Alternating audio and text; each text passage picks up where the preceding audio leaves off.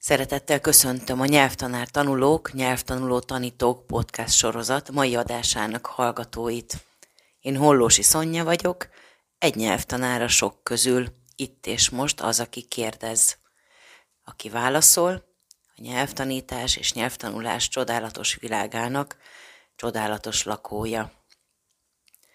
Szeretettel köszöntöm ma Dudik Anna Mária Évát, aki angol tanár, de ma már sokkal ismertebb, mint szinkrondramaturg, vagy eh, ahogyan majd erre nekünk eh, rávilágít, audiovizuális fordító. Kedves Éva, sok szeretettel köszöntelek. Kezdjük ott például, ha nincs jobb ötleted, hogy uh, tanítasz-e nyelvet most, ebben a pillanatban? Ebben a pillanatban éppen nem. Nekem általában úgy vannak a nyelvtanítási tapasztalataim, hogy viszonylag rövid intervallumra, már ahhoz képest rövid, ami például egy iskolában elő szokott fordulni, hogy egy iskolában ugye éveken keresztül kíséri a tanára a tanítványait. Ilyen nekem nagyon ritkán van, ami nem jó. Én ezt nem szeretem, hogy nekem ez ritkán van. Én is szeretném időnként a tanítványaimat hosszan kísérgetni és látni az ő hosszú fejlődéseik, fejlődésüket.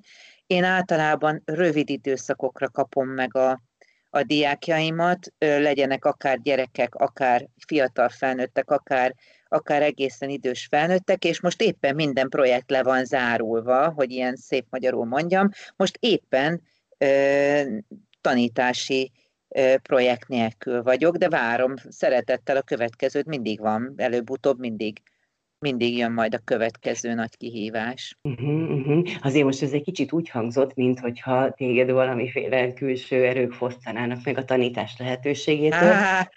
Ez nagyon klassz kis szabad választások sorozata volt, már mint ahogyan én láttam. Igen, hogy, igen.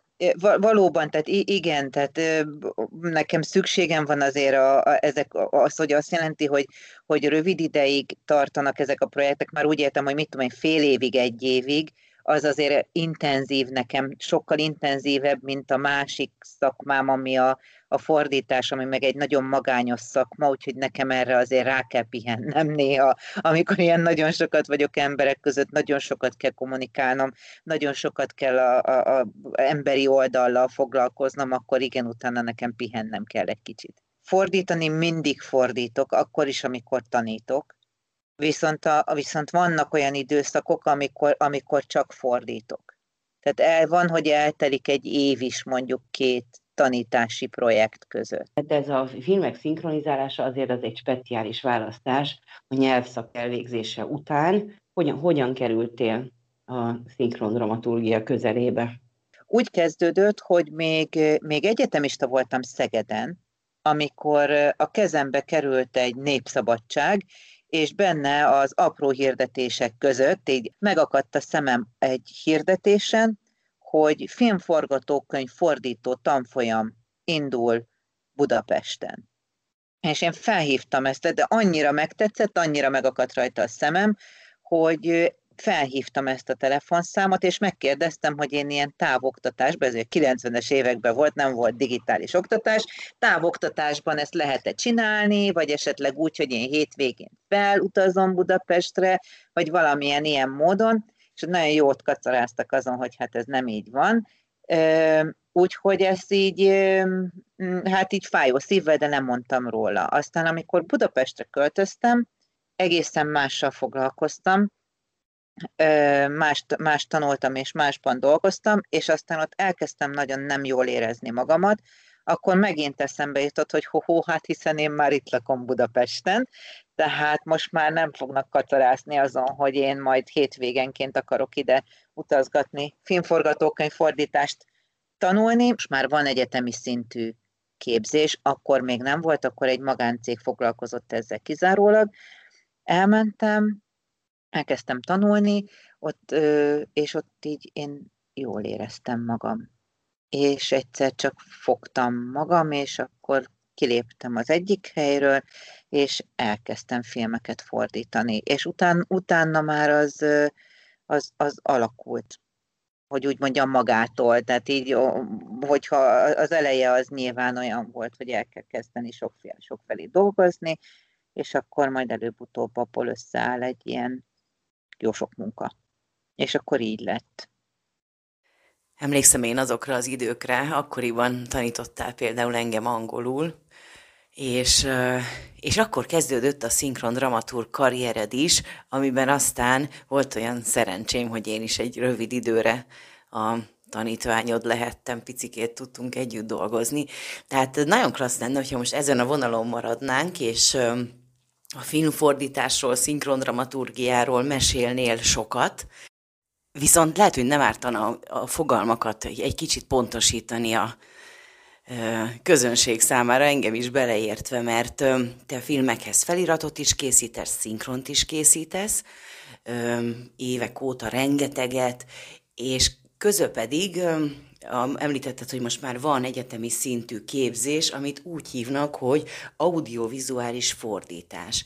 Aztán azt is mondtad, hogy szinkrondramaturgia, meg azt a fogalmat is használtad, hogy filmforgatókönyv fordítás. Tehát, hogyha így egy kicsit ezt kitisztáznád, az, az megköszönném. Igen, van icipici különbség azért van a három között. Ugye mind a három film meg kell fordi- foglalkozik, mind a három egyik nyelvről a másikra közvetít filmeket. A filmforgatókönyv fordítva ebből a legegyszerűbb, mert az, ami, az, az ami a, aminek hangzik, van egy forgatókönyv papíron leírva, és az ember azt, ami a papíron van, azt lefordítja A nyelvről B nyelvre, a forgatókönyvnek minden ö, elemével együtt, ami ott van a papíron. A szinkron dramaturg annyival másabb ennél, hogy a szinkron dramaturg mindehez, ami a papíron van szöveg, ehhez hozzáveszi azt is, amit ő a képen lát. Tehát még egy filmforgatókönyv fordítónak nem feltétlenül kell, hogy lássa a filmet, nyilván jó, hogyha látja, de nem feltétlenül kell hozzá kell hozzá végignézni a filmet, hogy le tudjon fordítani egy forgatókönyvet, mint ahogy például egy drámafordítónak. Nem feltétlenül kell elmennie a színházba megnézni a drámát színpadon, ahhoz, hogy a drámát le tudja fordítani.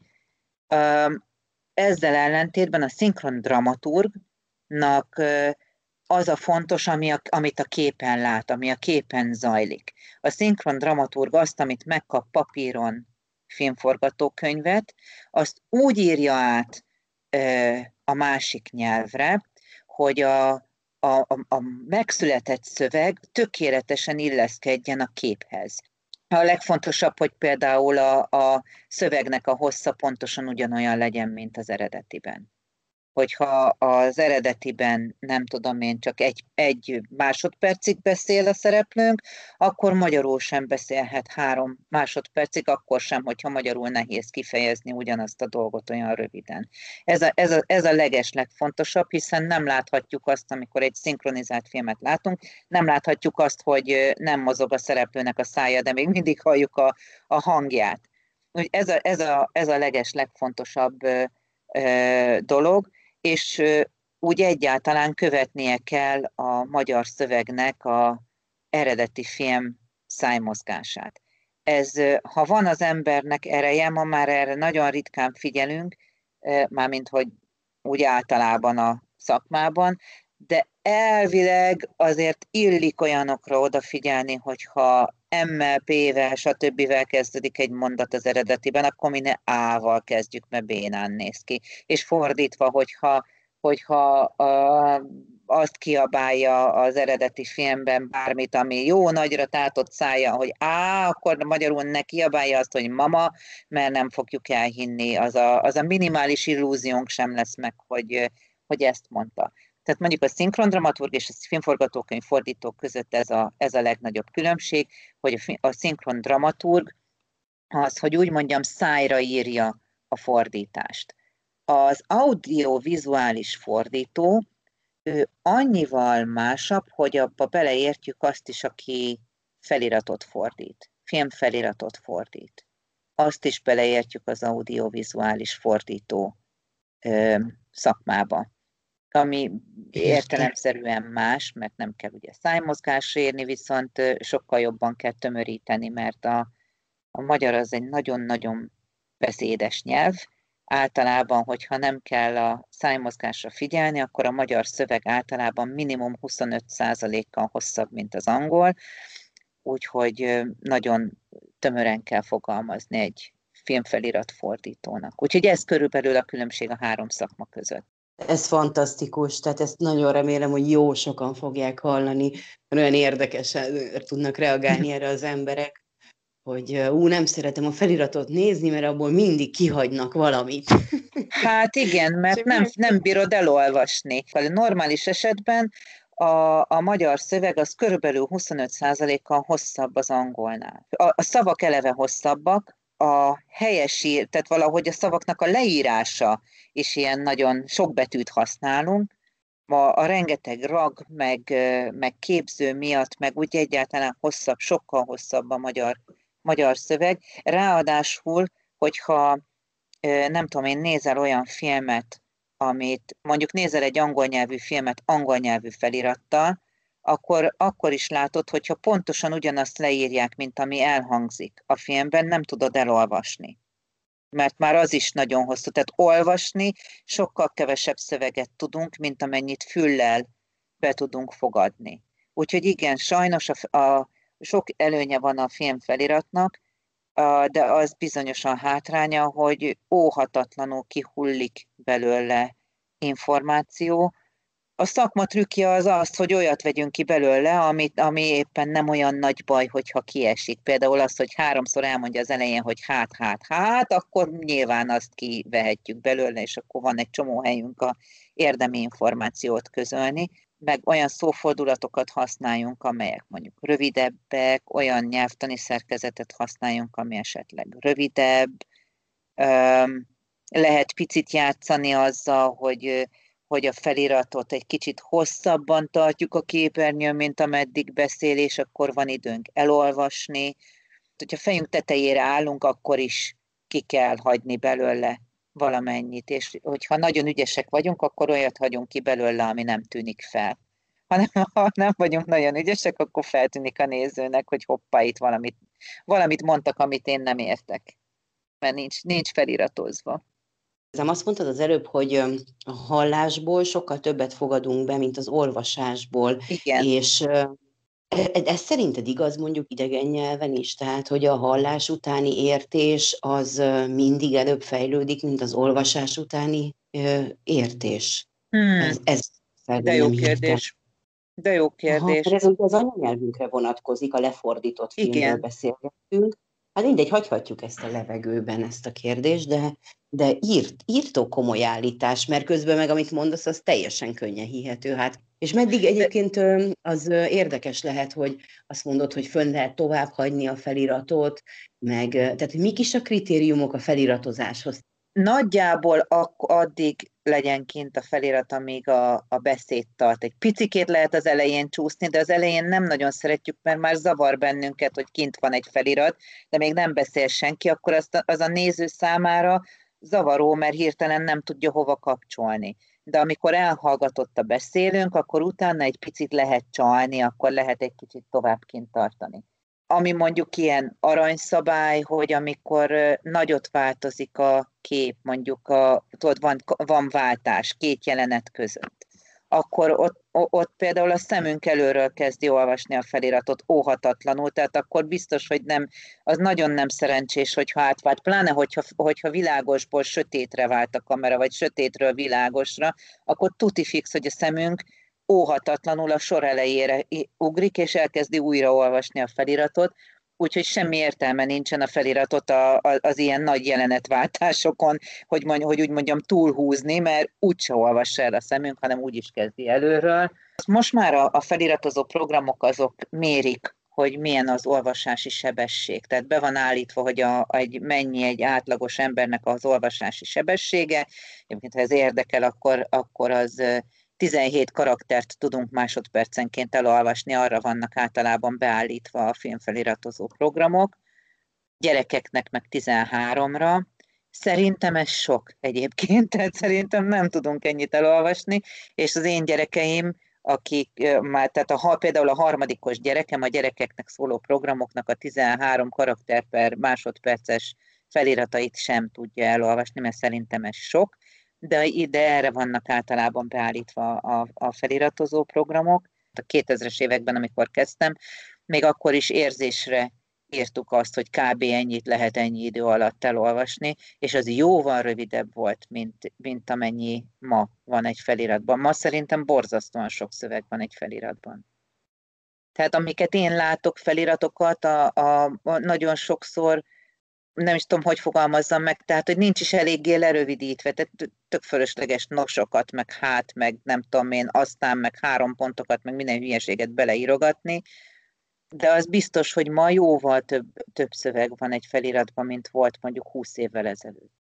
Ez, ez nagyon meglep engem őszintén szólva. Arra számítottam, hogy mit tudom én, egy 20 évvel ezelőtti statisztika, vagy még régebbi, tehát a, a, a még régebbi feliratoknál sokkal több karaktert tudtunk befogadni, pont azért, mert ugye hát a világ hogy meggyorsult azóta, akkor még fókuszált volt a figyelem, akkor még senki nem hmm. volt res, ír, hogy mondják, olvasott szövegből információt gyűjteni. Ma meg ugye tudjuk, hogy mit tudom én, egy hír az interneten, az, az ne, ne kösse le a figyelmedet, nem tudom, elképesztő rövid időn Igen.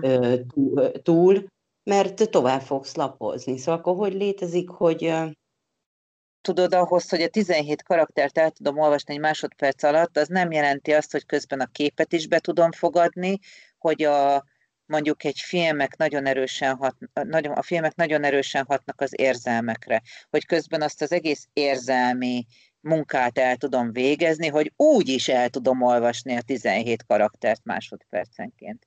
Érted? Tehát így szerintem így, így ez, ezek a, a ezek a tényezők szerintem nincsenek beleszámolva, meg simán lehet az is, hogy így nem tudom én, ha 20 éve fiatalabb lennék, akkor én is el tudnám olvasni a 17 karakter per másodpercet, de nem tudom. Igen, meg azért az is eszembe jutott, hogy, hogy hol volt a helye akkor egy, egy mozgókép, bármilyen nemű mozgókép megnézésének, Igen. és hol van ma. Tehát, hogy ú, nagyon sok tényező van. Minden esetre köszi ezt a komoly bevezetőt az audiovizuális fordítás világába, ahol most már egészen a, az olvasási sebességig jutottunk. Tehát itt már annyi trükköt elmeséltél, és annyiféle készségre van szükség ahhoz, hogy minőségi filmfeliratok vagy szinkronok szülessenek. Hol van a te angol tudásodnak a szerepe ebben a munkában? Tőlem gyakorlatilag minden hasonló beszélgetésben megkérdezik, hogy angolul vagy magyarul kell jól tudni a fordítónak.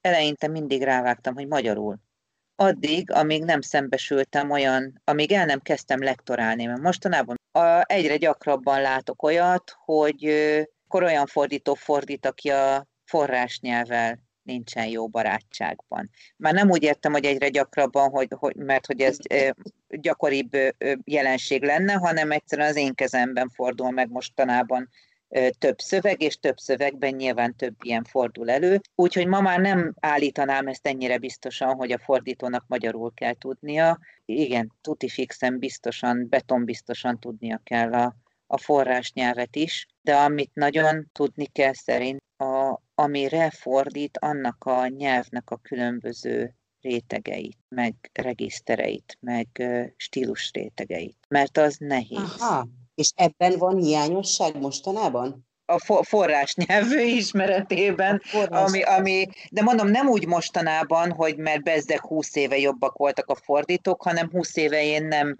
lektoráltam, most meg igen, tehát így egyszerűen csak nekem a most fordulnak meg a kezem között olyan, olyan szövegek, nyilván 20 éve is egy csomó, egy csomó ilyen volt, aztán a lektorok, szerkesztők kijavították. Szóval, hogy a, a forrás nyelvvel betonbiztosan tudni kell, tehát amikor a, a, az idiómáknak stimmelnie kell. Igeidőkkel, tehát alapvető nyelvtannal tisztában kell lenni. Most volt egy nagyon érdekes élményem, rettenetesen élveztem. Az elmúlt fél évben egy ö, ö, gimnáziumban tanítottam, és ö, voltak nagyon-nagyon lelkes gyerekek, iszonyú jó arcok, akik szerettek volna fordítást tanulni. Úgyhogy volt, egy, volt nekik eleve egy kreatív írás ilyen programjuk, és annak a keretein belül hetente egyszer összeültünk, és valamilyen szöveget fordítottunk. Például velük is sokszor leálltunk a forrás nyelvnek a nyelvtanját végignézni. Hogy a, az eredeti angol mondat, hogyha mondjuk az egy hosszabb mondat, akkor, akkor megtalálni, hogy minek mi a, a bővítménye, hogy mi mihez tartozik, hogy miért azt az ikeidőt használja, azt hogyan tudom a magyarba átrakni, hogy a egy igének van A vonzata, meg B vonzata, de itt az A vonzatát használja, akkor azt feltétlenül úgy fordítom, és nem a, a, a B vonzatnak megfelelően. Tehát a, hogy mondjam, a forrás nyelvnek ezek a, a száraz, unalmas, fúj de utáljuk nyelvtani elemei, ezek iszonyú fontosak ahhoz, hogy át tudja ültetni azt a szöveget egy nagyon szép magyarra, és aztán utána ott már lehet jönni kreatívkodni, meg stílusjegyeket alkalmazni, meg regiszterbe betenni, meg nem tudom én mindenféle flickflakot csinálni a szöveggel, de ahhoz, hogy ezt a flickflakot meg tudjam csinálni, ahhoz az eredeti nyelvre, amiből fordítok, a beton biztosan tudni kell a dögunalmas részeket is, szerintem. Amikor ezt tanítottad a, a hány évesek voltak ők egyébként a Tizedik, tizenegyedikesek. Tíz, tizenegyedik szembesítetted azzal, hogy azért, azért, mert felismert egy kulcs szót, azért még nem biztos, hogy megértette, hogy mit szeretnének mondani az a, a forrás nyelven. Hát nyelvtant mindenki utál tanulni szerintem. Ez független attól, hogy most a, a tinédzserekről van szó, vagy vagy éppen felnőtt képzésben ö, tanítok. A nyelvtant mindenki, mindenki, amit az előbb mondtam, hogy az fúj, azt utáljuk, az szürke, az unalmas, az nem tudom én mi, mindenki úgy szeret tanulni, és valóban tudod, én is nagyon szeretek úgy tanulni is, meg úgy tanítani is, hogy úgy élmény legyen, és akkor beszélgetünk, és majd kialakul, és ránk, és ránk ragad, és elmerülünk a nyelvben, és akkor, akkor ö, ö, tudod, így jönnek a, a jönnek a, a, az élmények, amik, amik alapján így, így rögzülnek a,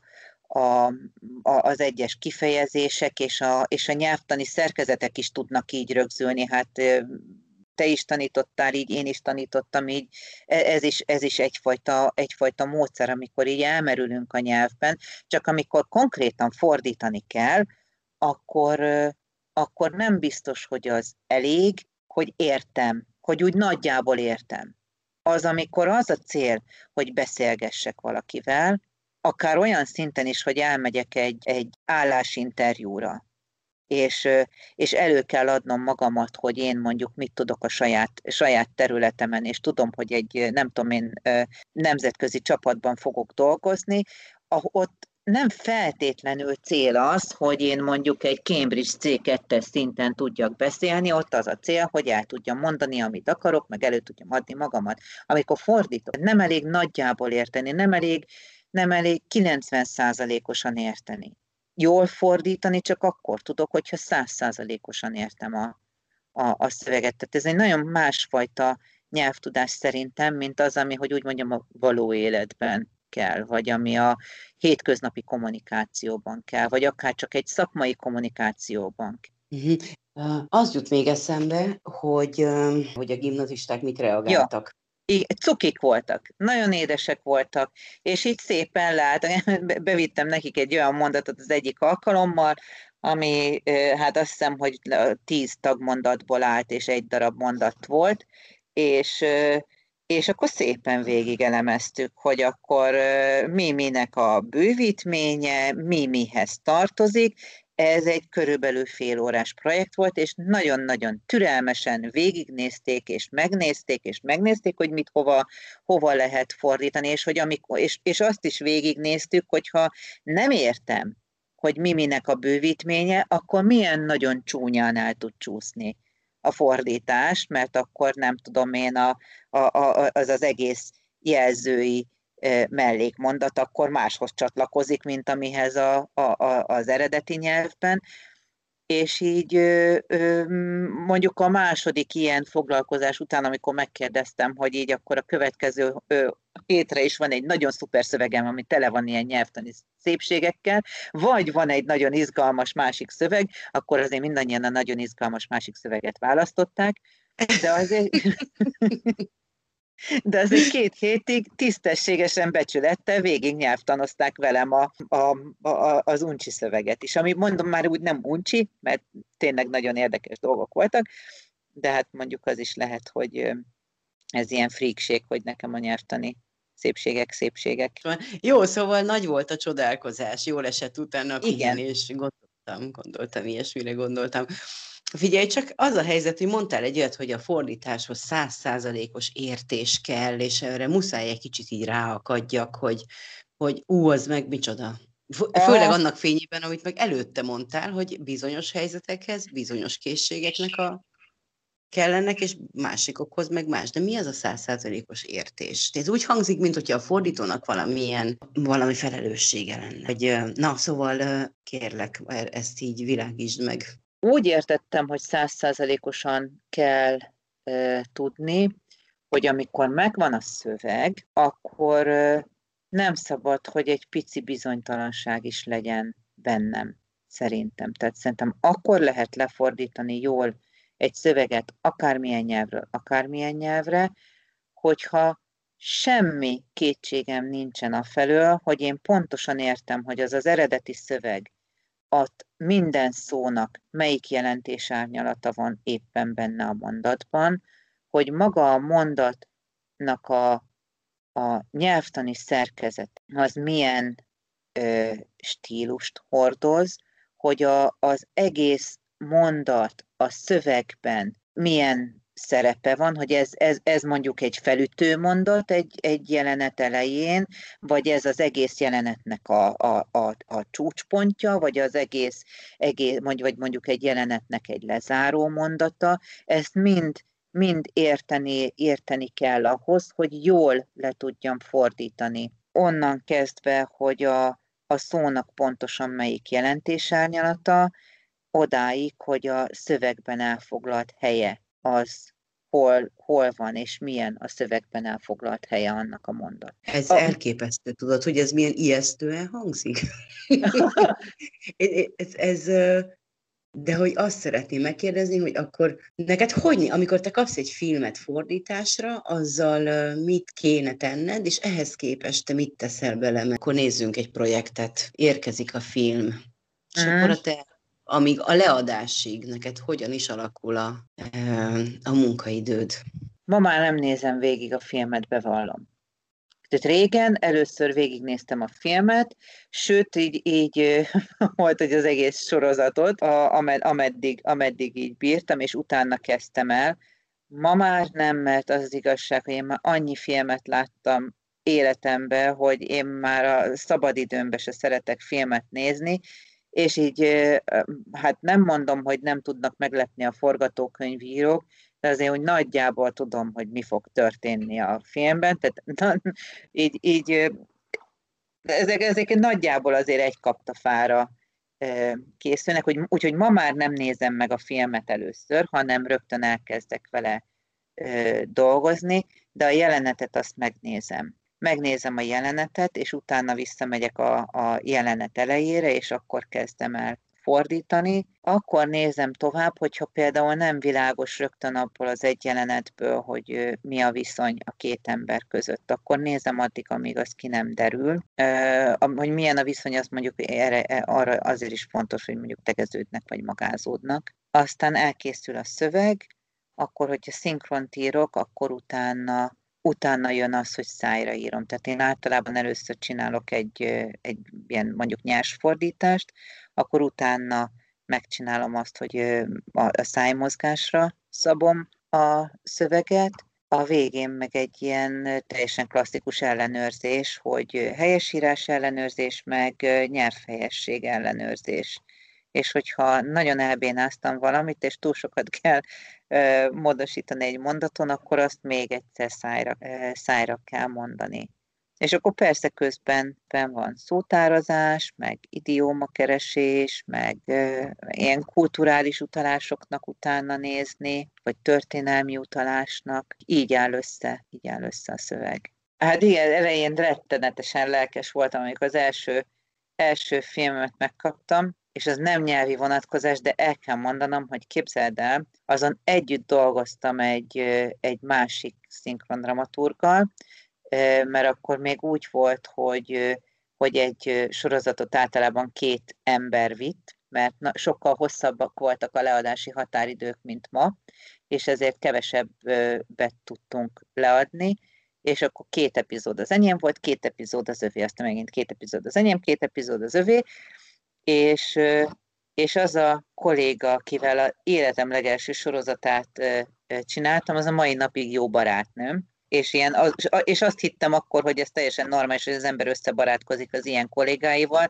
és azóta se senkivel, de ő azóta is jó barátnőm. Nagyon sok idő volt. Tehát az elején rengeteg, rengeteg időt elvitt az, hogy én egy sorozatnak egy epizódját gatyába tudjam rázni. Igen, megnéztem, tehát az mondjuk a, a, a, az egyik dolog, akkor utána, mivel, mivel mondom, akkor ez volt a teljesen normális, hogy két epizód az egyik szinkrondramatúrnál, két epizód a másiknál, és így felváltva dolgoztak vele, hogy, a, hogy adásra mindig kész legyenek az epizódok, ezért órákat lógtam a telefonon, hogy egyeztessük a, kollég, a kollégával, hogy mi történt az elő a másik epizódban, és mi az, amiről tudnom kell, és mi az, amiről nem, és hogyha Katika azt mondja, hogy jaj, de jó, akkor miért mondja azt, hogy jaj, de jó, mi a csuda történt az előző, az előző epizódban, akkor ezeket mind átbeszéltük, akkor utána vissza lehetett térni megint a szövegre, és megnézni a, a, azokat a jeleneteket. Mindezt videóval ráadásul, tehát így azt hiszem, hogy egy talán két év alatt hajtottam teljesen szét egy, egy videó lejátszót, mindezt videóval, és hosszú, nagyon hosszú volt, de ami, ami viszont jó volt, hogy én akkoriban nagyon sokat be is jártam szinkron stúdiókba, és meg is néztem, hogy mi történik utána a szövegemmel.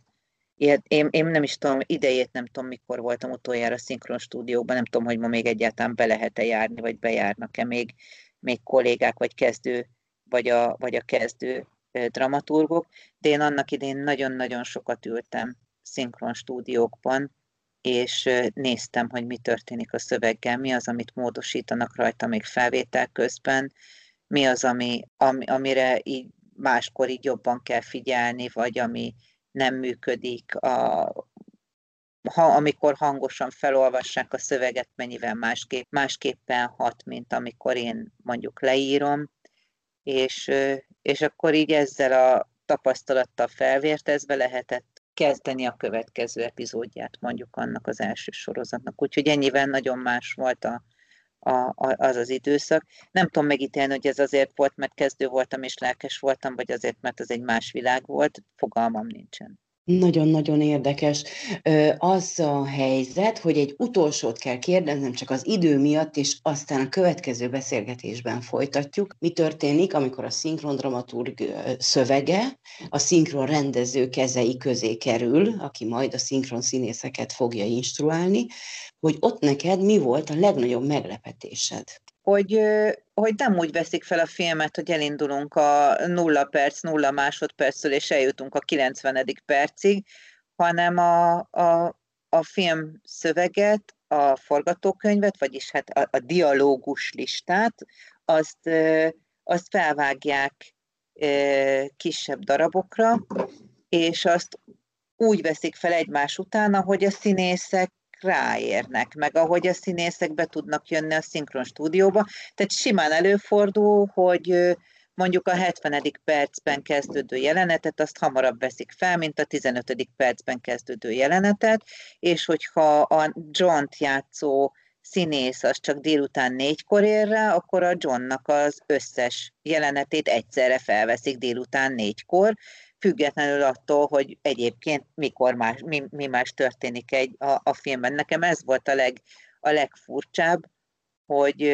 hogy a színészeknek úgy kell játszaniuk egy, egy olyan szerepet, aki mondjuk 90 percig képernyőn van, annak a magyar szinkronja, vagy meg minden, az összes többi nyelven úgy készül el a szinkronja, hogy abban az egy szerepben a színész az mondjuk egy órát, órát tölt el a szinkron stúdióban, instruálással, próbával, újrafelvétellel, minden kutya fülével együtt, és egy óra alatt készül el az, ami, amit utána látunk a tévében vagy a moziban. Nekem ez volt a legtöbbenetes élményem. Most ugye lehet, hogy kellene egyszer csak csinálni egy szinkron színésszel valami beszélgetést, hogy ezt mindezt hogy élik meg, és akkor a készségekből összerakódna valami. Én ezt a mostani beszélgetést nagyon szépen köszönöm neked, elképesztő, teljesen más terveztem, de ezt nem lehetett megállítani, ezt dolgokat mondtál. Úgyhogy nagyon köszönöm. Köszönjük szépen a hallgatóknak is, hogy velünk tartottak. Ha tetszett az adás, nyugodtan osszátok meg másokkal is.